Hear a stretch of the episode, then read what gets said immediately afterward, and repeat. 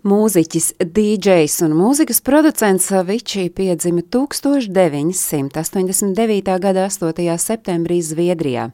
Vecāki viņam deva vārdu Tims Berlings. Bērnību vadot Stokholmā, jau astoņu gadu vecumā viņš vecāku mājās sāka eksperimentēt ar mūzikas miksēšanu.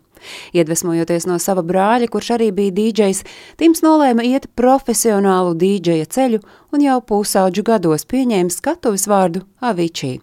Kā pats skaidrojas, tad Avičī nozīmē elles zemāko līmeni un dīdžeja prāt tas esot forši. Tiešām budismā Avičī nozīmē elles zemāko līmeni, sanskritā tas nozīmē bez viļņiem, saskaņā ar budismu uz Avičī nosūtītie var atzimt. Tims Berlings nebija budists, viņam vienkārši likās, ka vārds avičī skan un izklausās ļoti forši. Un viņa vārds jau pavisam drīz tika piesaukts itin bieži. Pirmos panākumus viņš guva 2011. gadā ar singlu Levels. Pāris gadu vēlāk izdeva pirmo debijas albumu, kura galvenais singls Wake Me Up izraisīja pamatīgas diskusijas mūzikas zinātāju vidū, jo Avicii pamanījās iepludināt country un folku elektroniskajā deju mūzikā. Guided by a beating heart. I can't tell where the journey will end, but I know where to start. Tieši šī dziesma viņu pacēla slavas augstumos. Avičai bija iespējas strādāt ar Madonu, ar saviem elkiem Coldplay un Leniju Kravicu. Avičai vārds bija kļuvis par zīmolu. So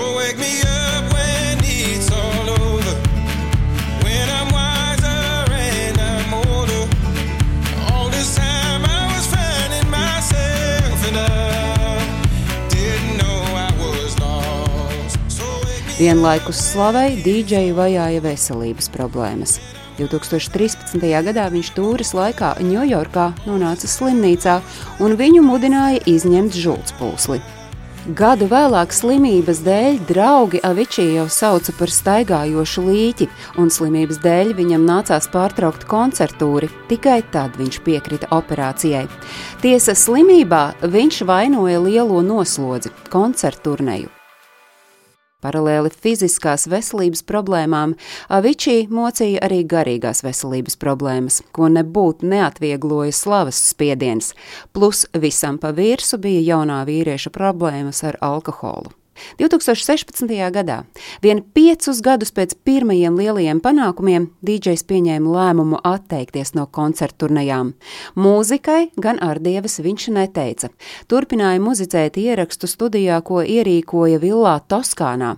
Viņa līdzgaitnieki un draugi sacīja, ka laikā, kad nebija turneju, Aviči esot uzplaucis. No malas raugot, likās, ka viss ir tik labi, cik vien var būt. Avičī bija iegājis jaunā, ļoti produktīvā fāzē, grasījās izdot jaunu albumu.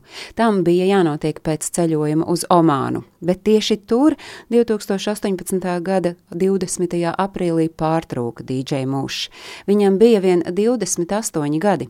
Oficiālā versija - pašnāvība. Kā pēc notikušā ziņoja ģimene, DJs nebija atstājis pat pēcnāvis zīmīti, un tā kā Avičī nebija atstājis arī testamentu, nebija precējies un bija bez bērniem, atbilstoši Zviedrijas likumiem viņa nopelnītie 25 miljoni dolāru pēc nodokļu nomaksas pienācās viņa mātei un tēvam. Ģimene no dēla atvadoties sacīja šādus vārdus: Mūsu mīļais Tims bija meklētājs, ievainojama mākslinieciska dvēsele, kas meklēja atbildes uz eksistenciāliem jautājumiem, perfekcionists, kurš ceļoja un strādāja smagi vietā, kas noveda pie pamatīga stresa. Kad viņš pārtrauca koncertēt, viņš vēlējās atrast balansu dzīvē, lai būtu priecīgs un varētu darīt to, ko mīlēja visvairāk radīt mūziku. Viņš ļoti cīnījās ar domām par dzīvi, tās jēgu, prieku, Viņš tā vairs nevarēja dzīvot. Viņš vēlējās rast mieru. Tims nebija radīts biznesam, kurā atradās. Viņš bija jūtīgs puisis, kurš mīlēja savus fanus, bet vairījās no uzmanības. Tim, tu vienmēr būsi mīlēts, un tevis mums pietrūks.